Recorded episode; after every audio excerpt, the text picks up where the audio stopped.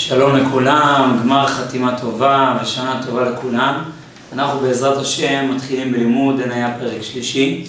אנחנו בלי נדר בכל יום נשלח את לשון הגמרא, שעליה מוסבת הפסקה בעניה. כמובן לא מדובר בגמרא ממש, אלא יש חיבור שנקרא עין יעקב. הוא חיבור שלוקח מתוך הגמרא את המדרשים, את האגדות, והרב כתב פירוש על עין יעקב, שהוא קרא לו עין היה, על שם הפסוק, נתיב לא ידעו עין. ולא שזפתו, אין היה, המבט, העין של היה, היה ראשי תיבות, אברהם, יצחק, הכהן, זה בעצם שמו של מרן הרב קוק. אה, בלי נדר נשתדל לשלוח כאשר יעלה בידינו מקורות להרחבה עיון והעמקה לכל המעוניין. אה, בעזרת השם, שהשם יהיה בעזרנו. אז אנחנו נתחיל, פרק שלישי, מסכת ברכות, אומרת הגמרא בדף י"ח כך, תניא, כלומר הברייתא אומרת, לא יהלך אדם בבית הקברות, ותפילין בראשו, וספר תורה בזרועו וקורא. יש איסור ללכת בבית הקברות כשאדם עם תפילין, כשאדם מחזיק ספר תורה בידו, והוא קורא אותו, לומד, אסור ללמוד תורה בבית הקברות. אומרת הגמרא מה הסיבה? כי אם עושה כן, עובר משום לועג לרש, חרף עושהו. שלמה המלך במשנה, אומר לנו שאסור ללעוג לרש, לעני, לא צוחקים על עני, כי בזה אתה מחרף את עושה אותה, בעצם מקלל את הקדוש ברוך הוא. מסביר מרן הרב קוק מה הקשר, מה פירוש הפסוק, ומה הקשר בין הפסוק לצחוק על עניים לבין האיסור שנאמר בגמרא. באופן פשוט, הכוונה היא שהמת הוא עני מלקיים תורה ומצוות. והוא לא יכול לקיים תורה ומצוות, אז הוא עני בדבר הזה, ואתה לועג לו כי אתה מקיים תורה ומצוות לידו. הרב קוק לוקח את זה למקום מוסרי של ההתייחסות שלי למציאות. אומר הרב קוק ככה, יסוד האמונה, לדעת כי אין חיסרון מוחלט במציאות. וכל חיסרון שאנו רואים, אם הוא חיסרון לפי השקפתנו הפרטית, איננו חיסרון כלל, כי מיתרון והכנה טובה לשכלול הכלל. בא מרן הרב קוק ואומר בעצם יסוד האמונה, הרי אם אני מכיר שכל המציאות מתקיימת ומתחיה מכוח השם, ממילא הכל מלא בטוב, טוב השם לכל, והרחמיו על כל מעשיו. ממילא אם אני רואה משהו שנראה לא כמו טוב, כמו חיסרון, כמו רע, כמו היעדר, כמו לדוגמה מציאות של מוות, מציאות של עניות, מציאות של איסורים חלילה, מציאות של מחלה חלילה, כל הדברים האלו, אומר מרן הרב קוק, החיסרון שאנו רואים הוא חיסרון לפי השקפתנו הפרטית, ואיננו חיסרון כלל, כי מתרון והכנה טובה לשכלול הכלל. לפעמים לאדם פרטי יש חיסרון. אבל אנחנו יודעים שהאדם הפרטי הוא לא עומד בפני עצמו. העובדה שאדם מסוים חולה, זה לפעמים בגלל הצורך שיש למשפחה שלו, לחברים שלו, לעם ישראל כולו, לעבור איזה תהליך שרק דרך המחלה שלו נוכל לעשות את תהליך היתרון הזה. ולכן דע לך, גם כשיש חסרונות, הם בעצם מובילים אל תהליך ההתקדמות. החסרונות נקראים הסתר פנים, כך כותב הרמח"ל, אני מפנה למקורות מי שמעוניין, דעת תבונות קל ודעת תבונות קמ"ד, שבעצם כל החסרונות והאיסורים שבעולם באים מהסתר פנים. בעצם אותו הסתר פנים נקרא בסתר המדרגה הריני את מרייך. לפעמים המדרגה הבאה, הטוב הבא נסתר ממני כרגע יש רע, אבל באמת רק בזכות סתר המדרגה הריני את מרייך. אני יכול לזכות להשיג את המדרגה הבאה. כמו שאני עולה במדרגות, אני מוריד את הרגל ממדרגה 2 כדי להגיע למדרגה 3. אבל כדי להגיע למדרגה שלוש, אני צריך קודם כל להרים את הרגל במדרגה שלהם ולהיות במדרגה אפס. ורק אז אני זוכה לעלות למדרגה חדשה. יש קושי שהוא נועד כדי לקדם את המציאות, לפתח אותה. מסביר הרב קוק, המשל הוא עניות, שלמה המלך נותן משל בפסוק שלו, הוא משתמש במשל. העניות היא דוגמה לחיסרון שאנחנו רואים בעולם. היא חיסרון בחוק הפרטי. אמנם הלועג לרש וחושב שאין בו תועלת כלל, הוא חרף עושהו. אדם שרואה עני, עני זה ממש נראה היום נורא במובן הפרטי. אבל אם אתה עכשיו אומר, הוא עני, הוא מסכן, יש פה חיסרון, באמת אתה לא רק לועג לעני הזה, אתה לועג לקדוש ברוך הוא. למה? כי לולא היו טובות באות במידה זו, לא היית נמצאת מהמנהיג העליון יתברך גדול העצה ורב העלייה. כשאתה בא ואומר, העניות היא חיסרון, אתה לא רק מצביע על האני החסר הזה, אתה מצביע על הקדוש ברוך הוא, שעכשיו נוהג עולמו במידה של חיסרון, של נזק, של רע. אומר הרב קוק, זה נקרא חירוף לקדוש ברוך הוא, כי במקום לראות שבאמת הקדוש ברוך הוא מנהיג בטובה, גם דרך הדברים שנראים חסרים לנגד עינינו הקטנות והפרטיות, כי הקדוש ברוך הוא הוא גדול העצה. העצות שלו הן עצות גדולות, רחוקות, רב העלייה. הוא מתכנן עלילות רבות, מהלכים רבים, כדי להוביל את המציאות אל הטובה השלמה שלה, כך אומר איוב. בעצם, הקדוש ברוך הוא גדול העצה ורב העלייה, דרך הקשיים, דרך האיסורים, דרך החסרונות, מביא אל קידום ופיתוח המציאות אל עבר יעדו. רק שאנחנו במובן הפרטי לא רואים את זה. אלא צריך האדם לדעת שלמציאות הכללית ישנן כמה מעלות טובות במציאות העניות. בשביל כלל העולם יש צורך בעניים. למה? אפשרות אחת, מה שהגמרא בבא בתרא אומרת, אם כדי שננצל לנו מדינה של גיהנום, בזכות צדקה ניצולים מהגיהנום. זה הערה במעלת הצדקה, או תשובה או תפילה צדקה, מעבירים תורה גזירה, ממש מעלת הצדקה. אם לא היה עניים, לא היה צדקה, לא היה אפשר לתקן את החסרונות שלנו. אז העניים הם עושים איתנו חסד, עוזרים לנו בתיקון הרוחני שלנו. ולהוסיף שלמות מוסרית על ידי מציאות עשיית החסד והטוב. אם לא היה לי מי לעשות חסד, לא הייתי עובד על המידות שלי, מעבר להינצלות שלי מדינה של גיהנום. דבר נוסף, אם כמה מלאכות כבדות ובזויות, שמשמיעים המציאות ואלמלא עניות לא היה מי שיעשה. דבר שלישי, יש דברים שאם אנשים לא היו עניים, לא היו עובדים בהם. אנשים לא היו רוצים לנקות אה, ביבים ושופכים. אנשים לא היו רוצים להתעסק בדברים נמוכים ושפלים. ורק בגלל שיש עניות, אנשים מתעסקים בזה. אז הנה, בזכות זה המציאות מתקדמת. יש מי שיטפל גם בדברים פשוטים שאנשים לא היו עושים, היה להם הרבה כסף. דבר נוסף, אומר הרב קוק, ועוד כמה מעלות שאנו קצרים בדעת מלהשיגן. חשוב לרב קוק להדגיש את זה, כדי לומר לנו שבאמת גם אם אני לא יודע את החשבון, תמיד יש עוד חשבונות. תמיד יש עוד היבטים של הטוב שבא דרך דבר.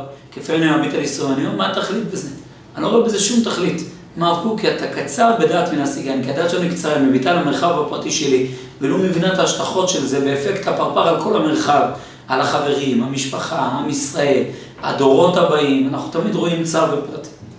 אומר הרב קוק, אם כן מתבונן שגם העניות, שהיא הגדולה שבחסרונות למצב האנושי, איננה דבר ריק, הוא נותן כבוד לעושה כל. כשאני מבין שהעניות נצרכת, ממילא אני נותן מקום לעניות. אלא נותן כבוד לקדוש ברוך הוא, נותן אמון בקדוש ברוך הוא, שהקדוש ברוך הוא עושה טובה. אני לא מבזה אותו, אומר, ראה עשית עניים, יש חיסרון בהנהגתך. והלועג, באומרו שאין תועלת בכלל, והיא דבר יתר במציאות ורע מוחלט, הוא חרף עושה. כלומר, לועג לרש זה לא כאן הצוחק על העני, אלא צוחק על מציאות העניות. הוא לועג לקדוש ברוך הוא בגלל הרש. הוא אומר, ראה, הקדוש ברוך הוא, איך אתה עושה עניות בעולם? זה לא יכול להיות, הנה אז אתה לא שלם, אתה לא אלוקים טוב לכל, אז יש פה חיסרון במציאותך. באמת, אדם כזה הוא חרף עושהו, מבזה את הקדוש ברוך הוא.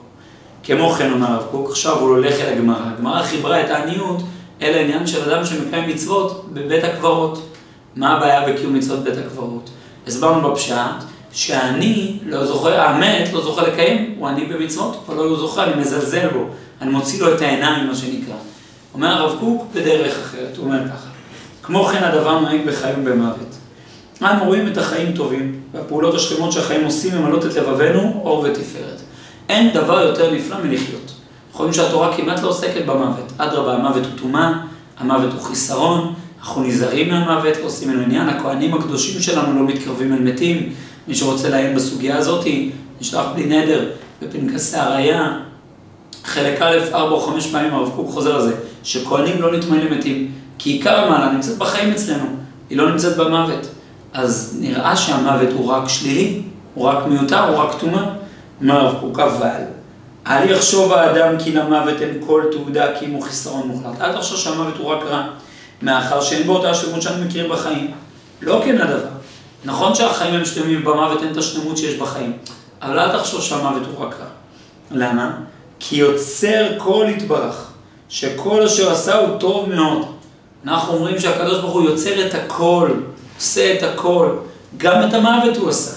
והקדוש ברוך הוא, הוא טוב, ולכן כל מה שהוא עשה הוא טוב מאוד. ממילא לא יעשה דבר רע מוחלט. נו, אז זה יכול להיות מוות, אומר הרב קוק, על כן צריך להשכיל, כי גם למוות יש תעודה ותכלית. על זה אמרו רבותיך חכמים זיכרונם לברכה, והנה טוב מאוד זה המוות. כתוב בעצם אצל בריאת האדם לא רק טוב, היה אלוהים כי טוב, אלא והנה טוב מאוד. מה זה טוב מאוד? פירוש אחד, טוב מאוד זה יצר הרע. פירוש שני טוב מאוד, זה המוות. כלומר, המוות הוא לא רק טוב, הוא טוב מאוד. מה זה טוב מאוד? משהו שגורם לטוב שלי להתרבות ביתר שאת, זה הכוונה מאוד. למה? כי כמו שהעניות גורמת אדרבה לקידום העולם, דע לך שגם המוות מקדם את הטוב. למרות שנגד עיניך הוא נראה כמו דבר רע. אם כן, אנחנו לומדים שיש מקום במציאות ששביתת פעולות החיים גם היותר שלמות שבהן, כקיום המצוות, כתוב פה ראשי תיבות לא נכונים, כתוב ותלמידי חכמים, אבל צריך לתקן ותלמוד תורה, ותף תף, בסדר, רק למי שלא מתוקן אצלו, כקיום המצוות ותלמוד תורה, היא גם כן שלמות. כלומר, הרי לחיות זה דבר נפלא, טובה שעה אחת של תורה ומעשים טובים בעולם הזה יותר מכל חיי העולם הבא. אז למה בכל זאת מתים? למה בכל זאת מפסיקים לקיים תורה ומצוות? אפילו דוד המלך, שלא הפסיק להגות בתורה, הקדוש ברוך הוא דואג להפסיק אותו מתורה כדי שהוא ימות. אנחנו לומדים שיש מעלה במוות שאי אפשר לזכות לה בקיום תורה ומצוות בעולם הזה. יש צד שחיי עולם הבא גדולים יותר מכל חיי עולם הזה. זה באותה משנה נאמר. למה? כי יש צד שהמוות באמת יותר עלינו לחיים. היא גם כן שלמות. ועל כן, בעומדו בבית הקברות שם לא יעסוק בתורה ומצוות, להראות שיש כאן מקום במציאות לשלמות אחרת, שאינה בגדרנו ואיננו משיגים אותה. הסיבה שאני לא מקיים מצוות בבית הקברות, הסיבה שאני הולך עם ציצית בחוץ בבית הקברות, הסיבה שאני לא לומד תורה בבית הקברות, היא לא כי אני מוציא למת את העיניים, אלא כי אני מוציא לעצמי את ההכרה הנכונה. באמת, כשאני לומד תורה בבית הקברות, אני אומר, יש משהו יותר יקר מלמות. לחיות ולקיים מצוות. מה הרב קוק? אז אתה בעצם בא ואומר שהמוות הוא רק רע. דע לך שבמוות יש משהו טוב, הקדוש ברוך הוא לא סתם הפסיק את לימוד התורה שלך, לא סתם הפסיק את קיום המצוות שלך, כי באמת יש ערך בלמות.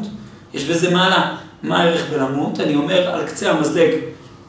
זה מובא גם בדרך עץ חיים ובדעת תבונות בתחילתו, דומני סימן י"ח, אני מקווה שאני לא טועה. מאוד ממליץ לפתוח שם, לראות גם בדרך השם בתחילתו.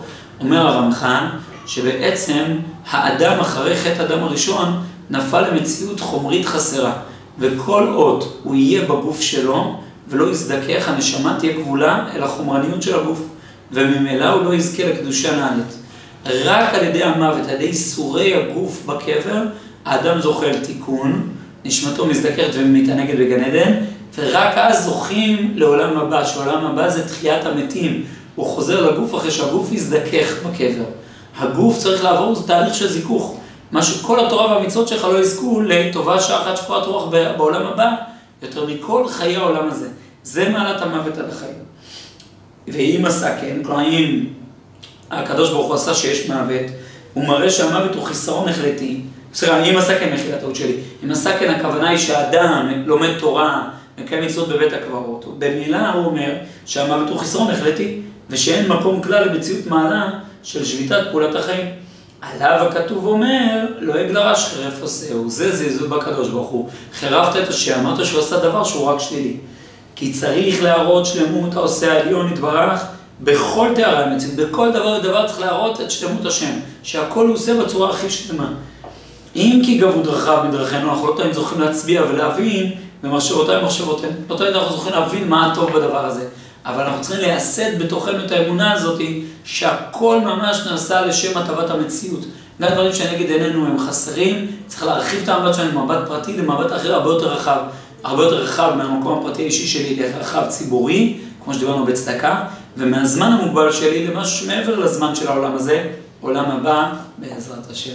שיהיה גמר חתימה טובה.